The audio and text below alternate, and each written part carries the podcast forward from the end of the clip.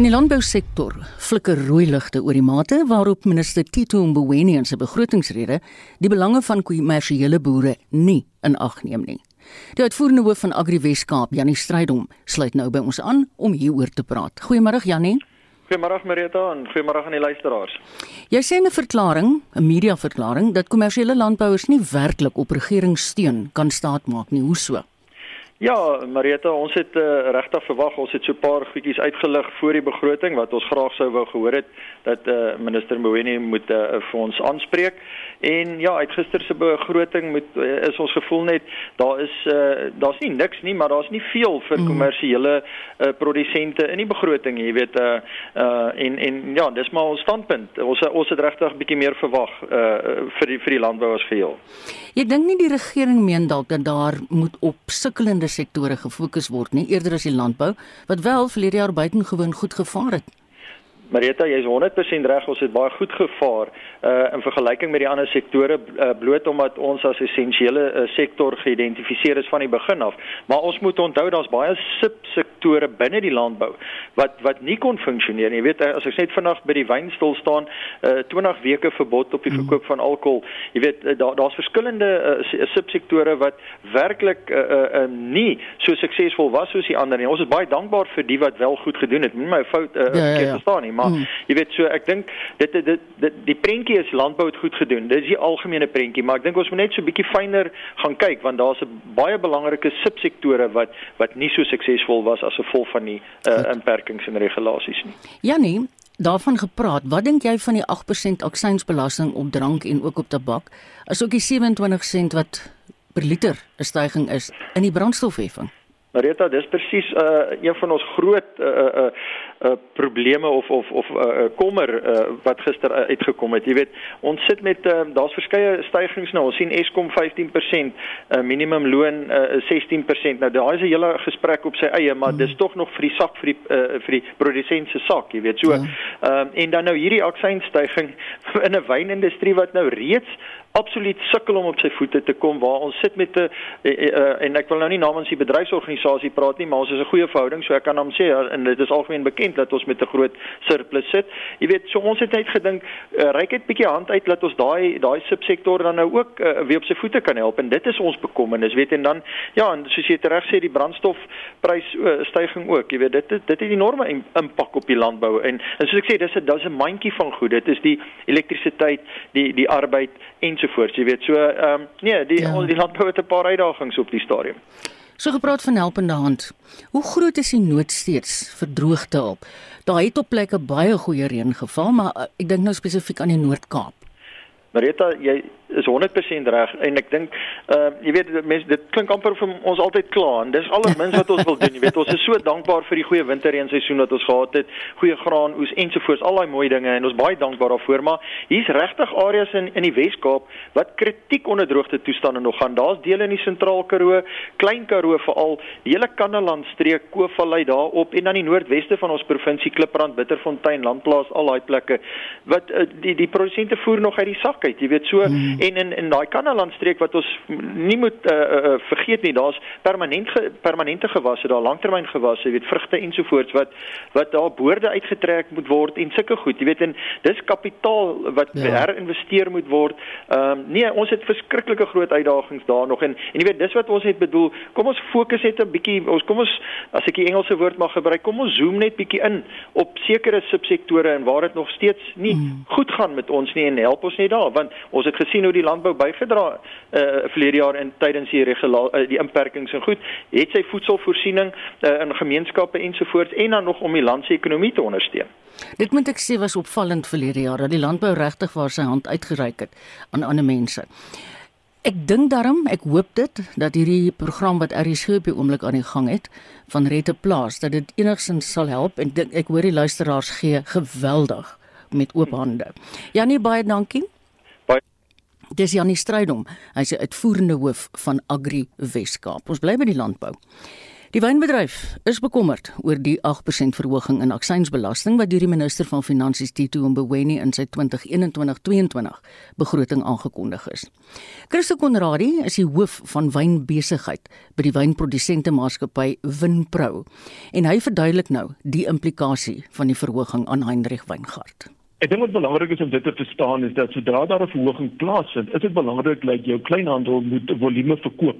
En sodra dit onder druk gaan kom, het sy met verhoogde pryse. Al wat gebeur is die kleinhandelaar verlaag daai pryse en daai spesifieke aksiesverhoging word net eenvoudig deur die ketting afgegee en dit is dan daar waar dit op produsente vlak eintlik die weerklank vind en dit is waar ons groot ongemak lê op die huidige stadium. Hierdie verhoging sal wel 1,1 miljard rand in belastinginkomste vir die staat beteken.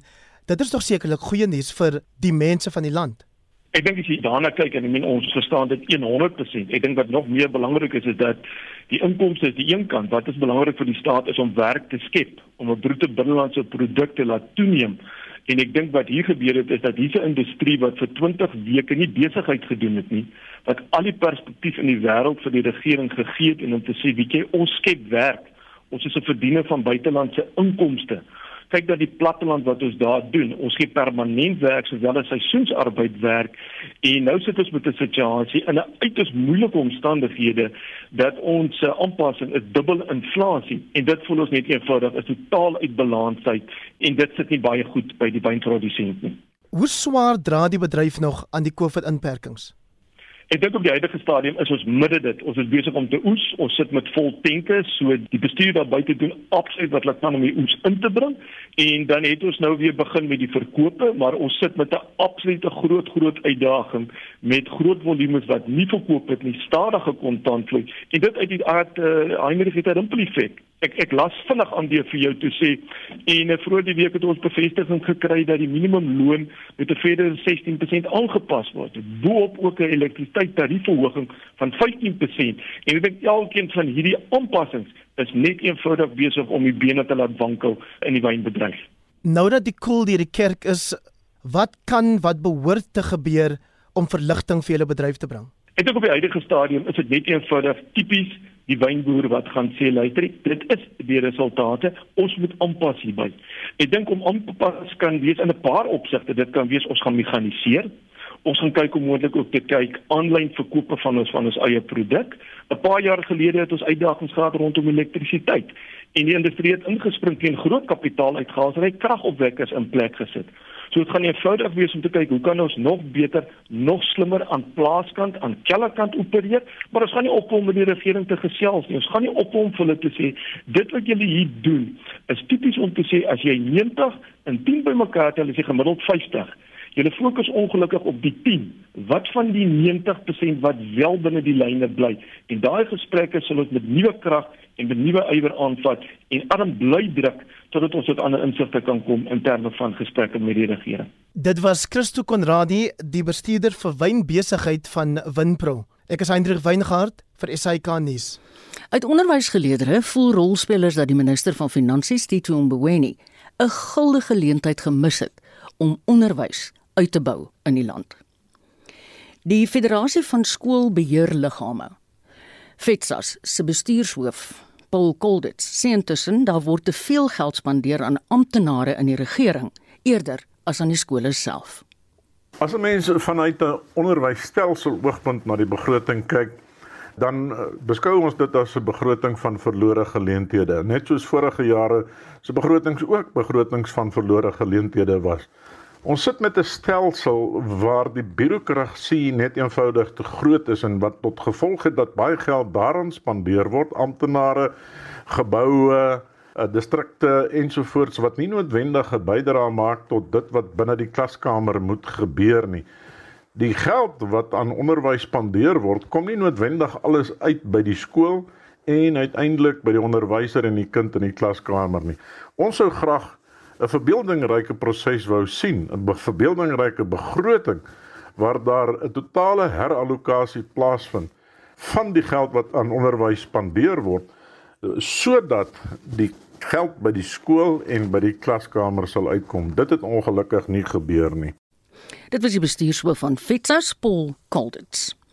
En ons bly by onderwys. Ons praat nou met Basil Manuel, die besturende direkteur van die onderwysvakbond Naptosa. Goeiemôre Basil. Goeiemiddag, uh, ma uh, uh, Maria Johannes. Dit gaan met my goed, maar ek wil by jou weet, dankie dat jy vra. Stem julle ouens by Naptosa saam met wat van hierdie vorige sprekers gesê het? Ja, ons on, ons ons stem saam. Daar is daar is baie dinge wat ons bekommer. Alhoewel ons nou met 'n paar van die begrotingsbesluite saamstem, is ons bekommerd oor die onderwys. Veral mm. as jy nou kyk dat ehm um, die die onderwys die geld wat bestee word aan die onderwys hmm. verlaag het uh, tydens die mediumtermyn uh uh begrotingsbeleid. En uh, dit het ons gehoop gaan verander word nou, maar dit het nou nie gebeur nie. So daar's nou minder geld, maar daar is ook gesê dat daar minder geld vir die vir onderwys onderwyseraanstellings gaan wees. En dit het 'n uh, 'n uh, 'n uh, uh, aanklop uh met met die grootte van klasse. Ons klasse gaan groter word en die mense wat daaronder gaan bly is natuurlik die armste skole. Hmm. Dis baie waar. Ek moet jou sê want ek dink Paul Kolditz het uitsaai daar verloor ons nou vir Basel, maar ek wou net met hom saamstem. Want Paul Kolditz het dit ook gesê dat ehm um, dit gaan nie regtig, dit gaan aan die amptenare, dit gaan nie regtig deur na die skole toe nie. So dit klink vir my asof Basel half en half daarmee saamstem. En natuurlik grootte van klasse is is 'n probleem. Die benadering tot wiskunde en wetenskaponderrig in Suid-Afrika sal drasties moet verander as daar 'n liefde en insig vir die vakke onder leerders gekweek wil word. Dit is die mening van Dr Bernadette Enyamani van die Pearson Instituut vir Onderrig in Suid-Afrika. Dis 'n reaksie op die afgelope week se matriekuitslae wat vrygestel is. Enyamani sê verskeie leerders se onvermoë om die vakke op skool baas te raak, gaan verhoed dat hulle sekere loopbane kan volg. How students are faring at mathematics, we can't say that they are faring well, but looking at the 2020 results, which was uh, slightly lower than what we saw in 2019. They are still not faring well, but of course, looking at everything that happened in 2020, we can say that the matriculants of 2020 tried their best. But of course, when you look at the results, it's still not good enough, or we cannot celebrate and get excited about the results that we are seeing in mathematics and science. Slegs 53,8% van die 2020 matriekklas het hulle wiskunde eksamen geslaag.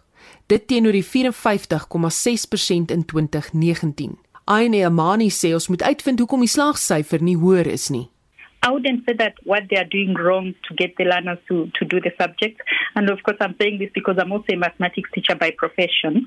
Sometimes it's not about what you're doing wrong, but it's about not stopping to check what you what you need to change in order for you to to better the results or to help learners love mathematics.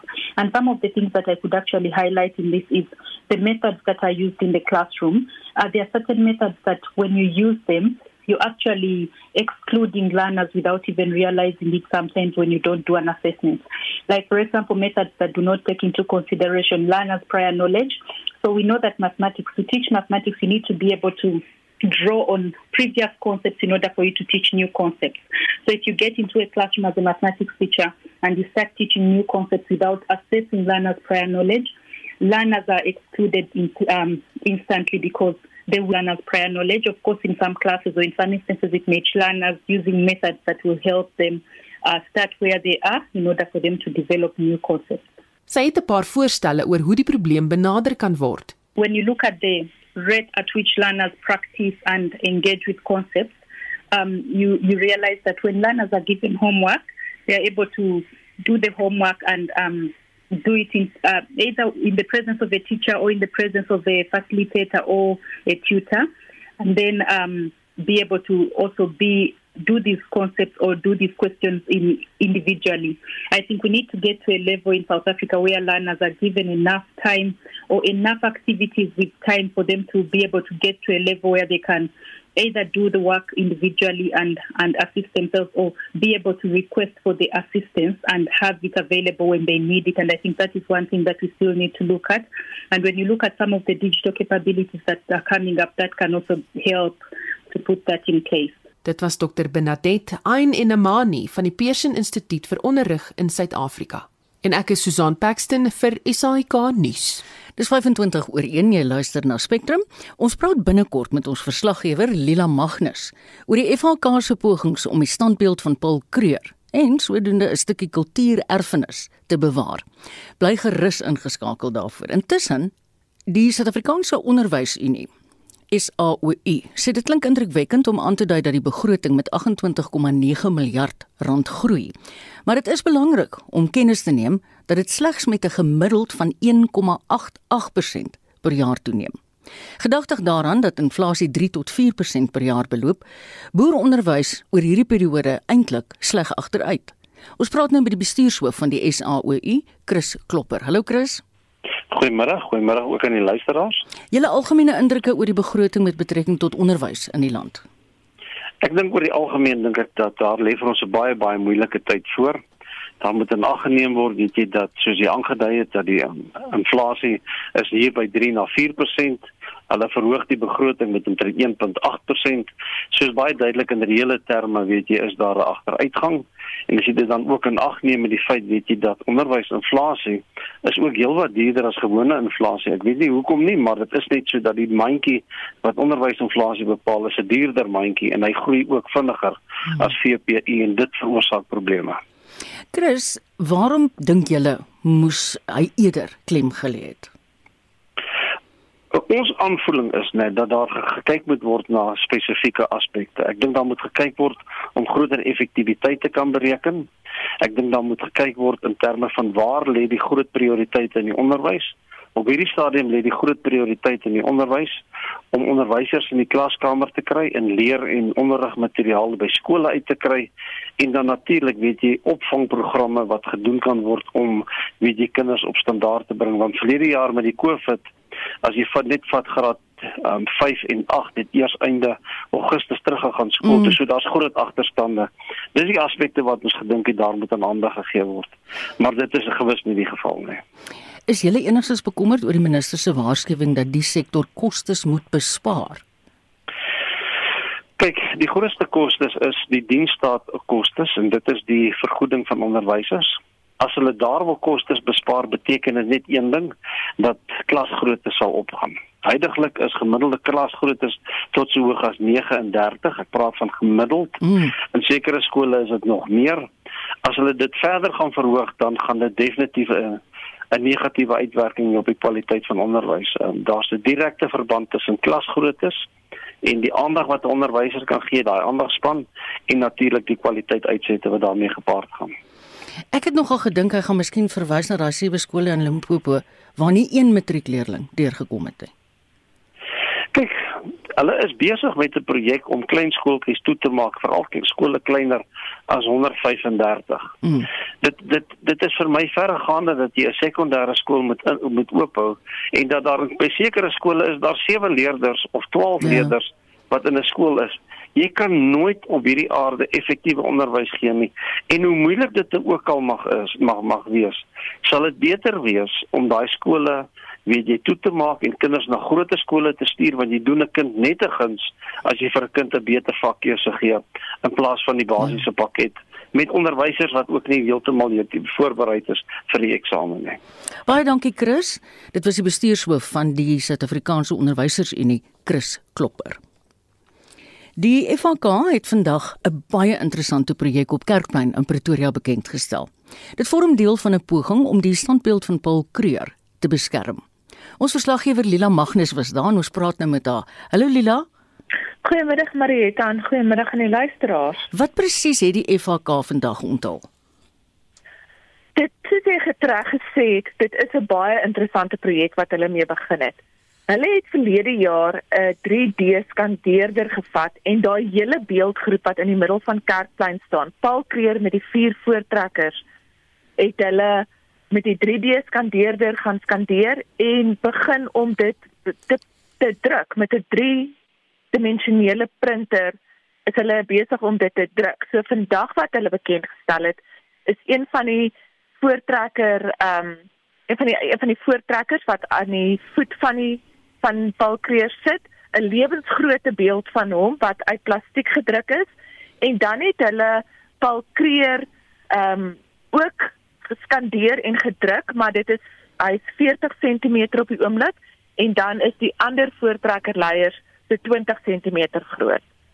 Dis ongelooflik. Dit is verskriklik indrukwekkend om dit te sien en wat interessant is van hierdie is hulle gaan nou die kleiner makette van hierdie Anton van Wouw beelde ja. gaan hulle in koper laat giet en 'n baie beperkte hoeveelheid van hierdie versamelings van hulle aan die internasionale mark ehm um, oopstel omdat hulle daar dit kan koop om geld in te samel om dan nou die groot lewensgrootte beeld te kan voltooi en in koper te kan sit. My jenning. Hoe het hulle aan die idee vir hierdie spesifieke projek gekom? Kyk, dit is nou 140 jaar sedert ehm um, die einde van die Eerste Wêreldoorlog. Nee nee, ek praat nou absolute. Ja, weet jy Lila, ons moet net die ja. kwaliteit van ons joernaliste dop hou, hoor. Horiso, dit is vanjaar die 140ste herdenking van die Eerste Vryheidsoorlog. Goed. En twee van die boere wat aan die voet van die beeld sit, was tydens die Eerste Vryheidsoorlog betrokke en die ander twee is voortrekkers. Goed. So hoekom hulle dit gedoen het is omdat die luisteraar sal weet die afgelope paar jaar is daai beeldgroep al verskeie kere deur vandale beskadig.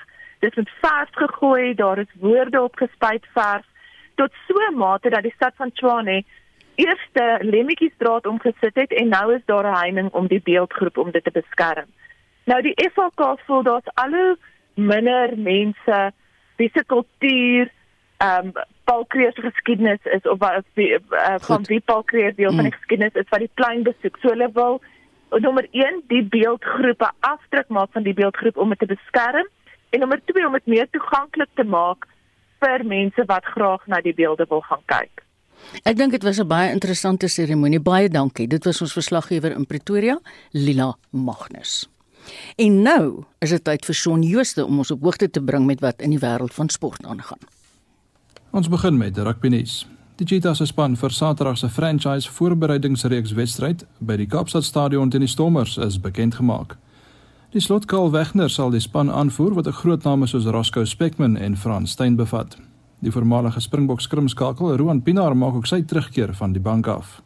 Die wedstryd skop die middag kwart oor 5 af. Op die sokkerveld word die Europese liga se laaste 32 ronde vanaand afgehandel met die tweede been wedstryde wat gespeel word. Onder andere kom Ajax Amsterdam teen Lille, Arsenal teen Benfica en Napoli teen Granada te staan. Ajax loop 2-1 en Granada 2-0 voor en Arsenal en Benfica is gelyk op met 1 elk. Die Neerdraf Roma teen Braga, Leicester City teen Slavia Praag en Manchester United teen Real Sociedad op die veld uit. Roma is 2-0 en United 4-0 voor en sake tussen Leicester en Praag is gelyk op met 0 elk. En laastens op die cricketveld pak die Warriors en Knights mekaar van half 3 af in die plaaslike T20 uitdaging in Durban. Beide spanne staan op 4 punte en kan nog die uitspelfase haal met ander uitslae in hul guns uitwerk. Dit was Shaun Jooste met die jongste sportnuus. Gereelde luisteraars sal weet ons het in aanloop tot die begrotingsrede gister gesels met professor Elmarie Slabbert. Sy is 'n navorsingsdirekteur by die Navorsingseenheid Trees aan die Noordwes Universiteit. En ons wou spesifiek weet wat die stand van sake is in daai bedryf. Dit was nie 'n baie rooskleurige prentjie wat Elmarie geskets het nie wat 'n mens kan verstaan. En sy boonop meen die begrotingsrede het nie noodwendig vir 'n gejubel gesorg nie. Hallo Elmarie. Middag Marita. Welkom by ons program. Ai man, jy was gister so optimisties dat hy julle regtig wel kan help. En tog nou vandag is jy maar bietjie skepties oor hierdie hele begrotingsrede. Ja, Marita, inderdaad, jy weet ons het uitgesien hoe hulle gaan spesifiek kyk hoe mense toerismebedryf kan bystaan in die herstelfase. Ehm um, so daar is vir ons uit die begroting uit, jy weet 'n paar positiewe maar ook dan soos ek sê 'n paar negatiewe punte. Ehm um, ek dink ons sien veral en dis dalk maar vir die hele Suid-Afrika nie net vir die toerismebedryf nie, sien ons vir alle ligpunte in die 9 miljard rand wat oorgemerk is vir die aankoop van die COVID-19 inentings. Maar jy weet dis oor 'n periode van 2 jaar. Alhoewel dit nou al 'n stap in die regte rigting is, wil ons graag hê dit moet eintlik maar vinniger gebeur want net dit sal bydra tot meer mense wat veiliger sal voel om te reis. Soos ons gister gesê het, jy weet mense voel nie veilig om te reis nie en dit verhoed hulle met ander woorde. So die risiko's verminder as jy die inentingsprogram het effektief kan kan toepas. En sodra ja. dit gebeur, jy weet, dan kan dit ook dalk lei tot 'n verlaging in die beperkings op Suid-Afrika deur byvoorbeeld internasionale lugrederye want ons is afhanklik van ons internasionale mm. mark wat moet herstel, né? Mm. Ehm um, so dit sal of jy kans gee vir mense om te sê wel ons sien ons julle is ook vir besigheid. So dit daar sien ons darem 'n positiewe um, punt in die in die begrotingsrede en ons sien ook positief in die investering in infrastruktuur wat natuurlik vir die toerismebedryf um, baie kan beteken maar ons is bekommerd oor die die toename in die in die brandstofpryse ja. sowel as die toename in alkoholpryse wat nou weer restaurante gaan gaan beïnvloed. Ehm um, so Alhoewel ons nog nie presies weet maar jy weet wat wat presies word geallokeer na die toerismebedryf toe nie, dit sal ons nou eers oor 2 weke eh, weet. Ehm um, hoop ons maar regtig dat hulle die die waarde sal sien vir die toerismebedryf weet en dat dat die departement van toerisme sy regmatige deel sal kry. Maar ja. ons was onlangs was mense baie kinderlik ongelukkig omdat dit net na sekere mense in die bedryf gegaan het. Ja, kon jy uitwerk aan gister se se begrotingsrede dat gaan dit na alle toerisme sektore toe? Nee, op hierdie stadium die toerisme ekwiteitsfonds wat gestig is, is gestig om ehm um, swart entrepreneurs met spesifieke verwysing na vroue en en dan ook die jeug te help om besighede te kan op die been bring of dan huidige besighede wat jy weet probleme ervaar. Jy weet waar ons nou staan Marietta het het ons enige iemand in hierdie bedryf het hulp nodig want ons ontvang nie toeriste nie. So mm. daar is nog steeds ongelukkigheid hieroor. Ehm um, jy weet 'n persoon wat nou 'n nuwe besigheid wil begin in 'n plek wat afhanklik is van toerisme is 'n is 'n baie groot risiko. So daar is nog steeds ongelukkigheid oor dit. So die idee om befondsing beskikbaar te stel is nie die probleem nie, ja, ja. want dit gaan nie vir die totale bedryf nie en dis waar die ongelukkigheid vandaan ja. kom. Amarie, uh, 540 miljoen rand is deur die departement van toerisme geherprioritiseer om die bedryf te ondersteun. Dink jy dis voldoende om die pandemie skade te herstel? Maar dit op hierdie stadium dink ek jy weet die bedryf sal enigiets vat wat na hulle kant toe kom. Um, om wel net iewers te kan begin om die herstel, jy weet, te kan bewerkstellig. Dit sal nie genoeg wees as ons as ons kyk na gister se syfers, jy weet wat van die geld wat verlore is as gevolg van Covid. Ehm um, sal dit seker nog nie genoeg wees nie, maar dit is 'n beginpunt. En ehm um, ek dink 'n mens moet jy weet in daardie lig daarna kyk en ehm um, soos wat die inentingsprogram suksesvol is, sal die toerismebedryf in elk geval ook dan weer self begin, jy weet, ja. begin opstaan. Mm. Ehm mm. um, so nee, ek dink dit is genoeg nie, maar soos ek sê, ek dink dit is 'n beginpunt. Ja. Is daar toerisme met sy bemarkingsbegroting met die aanvang van die pandemie verlede jaar met 1 miljard besnoei. Wat is die implikasies daarvan? Ja, die implikasies daarvan is dat dat baie minder mense bewus is, jy weet, van wat gaan aan in Suid-Afrika. En dit sny natuurlik die, die toeriste af van hierdie land af. Die een van die suksesfaktore vir die toerismebedryf is om soveel as moontlik inligting daar buite te kry. Mm. So dit is definitief net sou nog steeds 'n invloed hê op die op die toeriste getalle en die bewustheid van van mense van Suid-Afrika. Ek sien hulle het nou 'n 'n program gevestig waar daar virtuele toere aangebied word ja. vir toerisme. Ja, ek het gesien. So, Dit kan mense dalk 'n bietjie lus maak maar Rita, maar jy weet, ons wil hulle eintlik hier hê want dis waar die geld lê en dis waar die ervaring ook lê. Ja, dis baie waar, né? Nee. Nou ja. Elmarie, hoe skep 'n mens nou? Kyk, almal was nou so afgestomp en afgekamp vir hoe lank? Hoe skep 'n mens weer aanvraag in die buiteland? Aanvraag kan net geskep word deur die deur middel van die van die advertensies wat 'n mens wys. Dis nommer 1, maar jy weet op hierdie stadium Marita, moet ons vir toeriste wys wat is die veiligheidsimplikasies in hierdie land. Ja. Jy weet mense wil weet, ehm um, hospitale is op standaard, mense handhaaf sosiale afstand. Hulle wil weet hoe gaan dit toegepas word en voordat hulle nie sekerheid het oor dit nie, is die kans ook klein dat hulle sal reis. So dit gaan nie nou meer net om te wys wat is die die die diere en die natuurlewe wat so wonderlik is hier, maar dit gaan nie net meer om dit te wys nie. Mm. Jy moet ook vir mense sê hoe gaan ons in 'n mate jou jou veiligheid verseker. Ehm um, so die bemarkingsboodskap wat uitgaan gaan op hierdie stadium dalk so 'n bietjie anders lyk as 'n jaar terug. Ja, en jy weet dan praat mense nie eens van misdaad nie. Ons praat nou nog net van die virus. Inderdaad, weet dit bly vir ons 'n baie groot um, probleem en ek dink nou in die, in die paar jaar of in die afgelope jare het dit eenvoudig net groter geword. Um, misdaad het definitief nie afgeneem nie. So dit bly nog steeds ook vir ons 'n faktor om in ag te neem, ja. Amarie, ek hoop as ons nou eendag weer gesels dat ons 'n baie meer positiewe boodskap vir die luisteraars het want ai, heuning.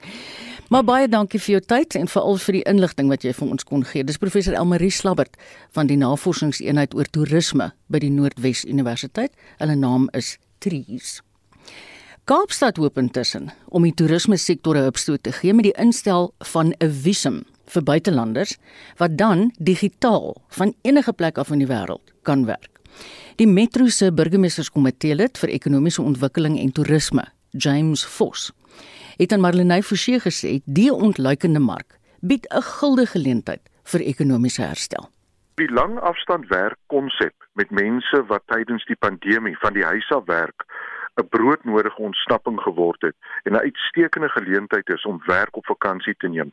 En so ons sien innovasie binne die toerisme sektor om die veranderde gedrag van langafstandwerk te akkommodeer deur bekostigbare langtermynverblyf aan te bied, insluitend ander voordele wat nodig is om op afstand te werk. Volgens hom word Kaapstad beskou as een van die beste bestemmings in die verband.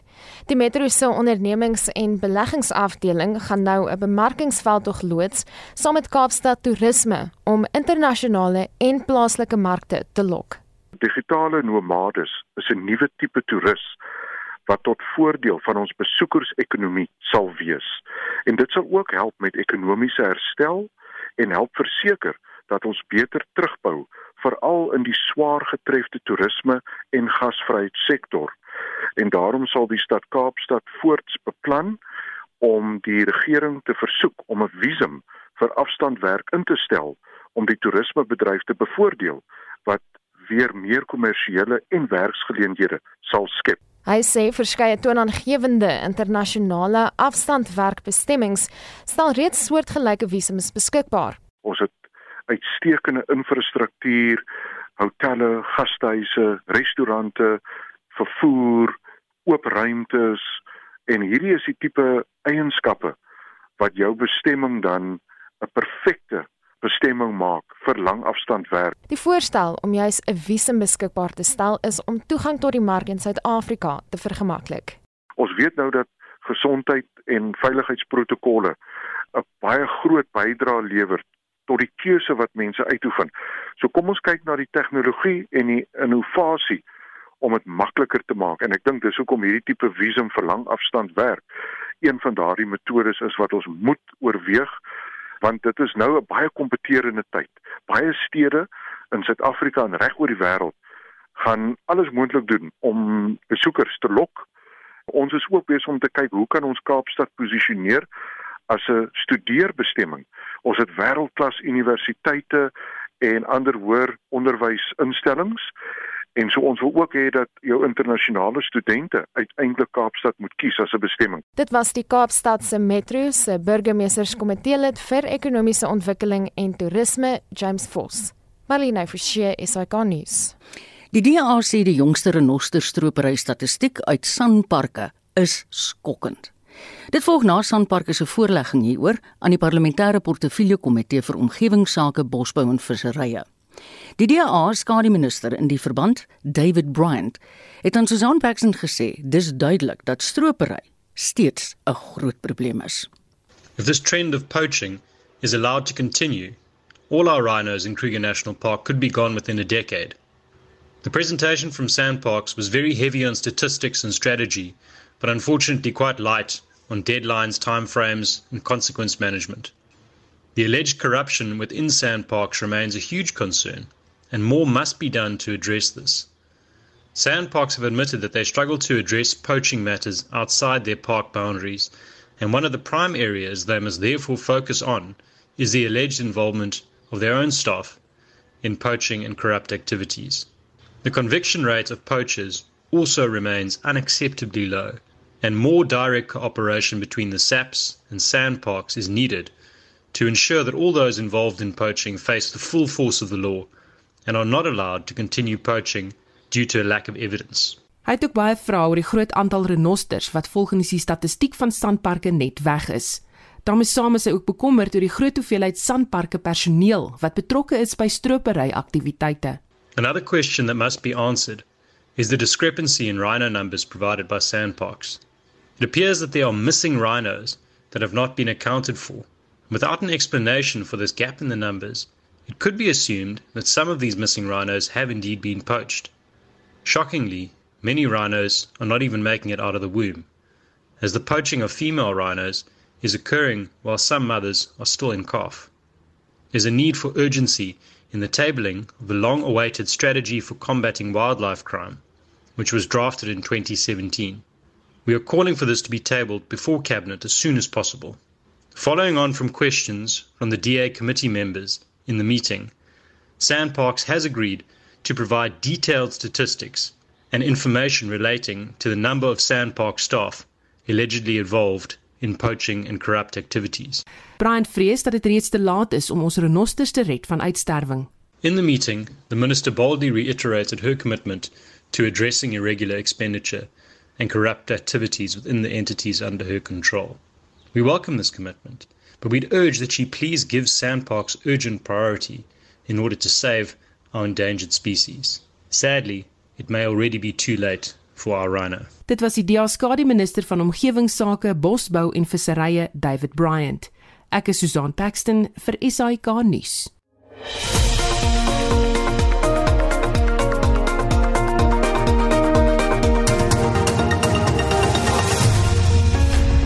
Nou vir 'n baie interessante storie. 'n Gunsteling troeteldier vir baie mense bedreig tans inheemse voëlspesies in Suid-Afrika. Ja, ons ken hulle. Die ringnek parakiet is 'n uitheemse voëlspesie wat deur baie as troeteldiere aangehou word. Maar as hulle ontsnap of vrygelaat word, hou hulle 'n gevaar in vir plaaslike voëlspesies soos houtkappers en hoephoepe.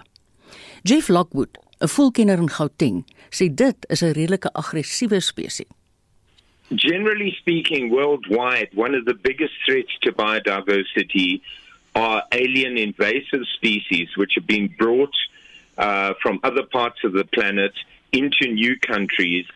And for various reasons, these species then are able to proliferate, to actually breed very quickly, spread aggressively, and often because their natural control systems, which actually would have kept their numbers in some kind of balance in their native countries, are missing in their new homes, they take over. They actually are able to outcompete our indigenous species and they then cause trouble in terms of the survival of some of these indigenous species.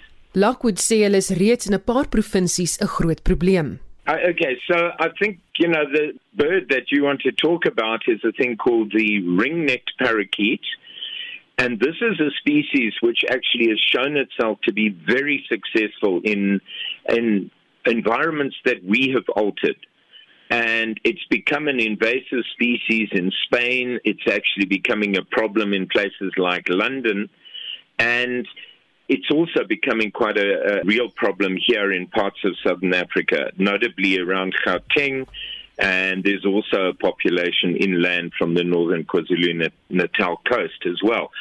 And so these these parrots are hole nesters, or these members of the parrot family are hole nesters. They nest in holes in trees, either those created by birds like our woodpeckers and our barbets, or even natural holes, which they then climb into and modify.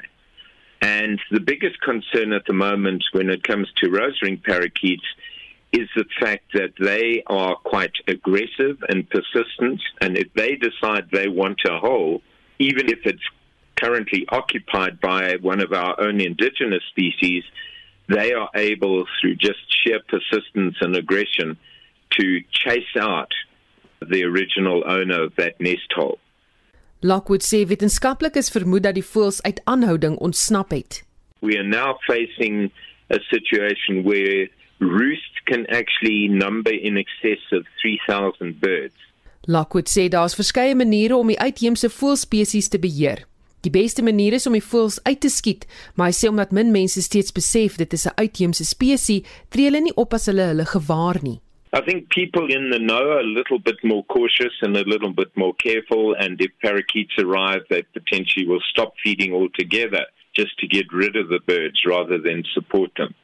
So it's a it's a wide spectrum, but unfortunately, a lot of people are quite excited by the sheer color and you know the fact these are big noisy birds um, they're very obvious so they're one of the one of the species that we have in our urban setting here in Gauteng that people are most likely to notice and and potentially appreciate because of their color. Dit was Jeff Lockwood, 'n voelkenner en ek is Susan Paxton vir SAK nuus.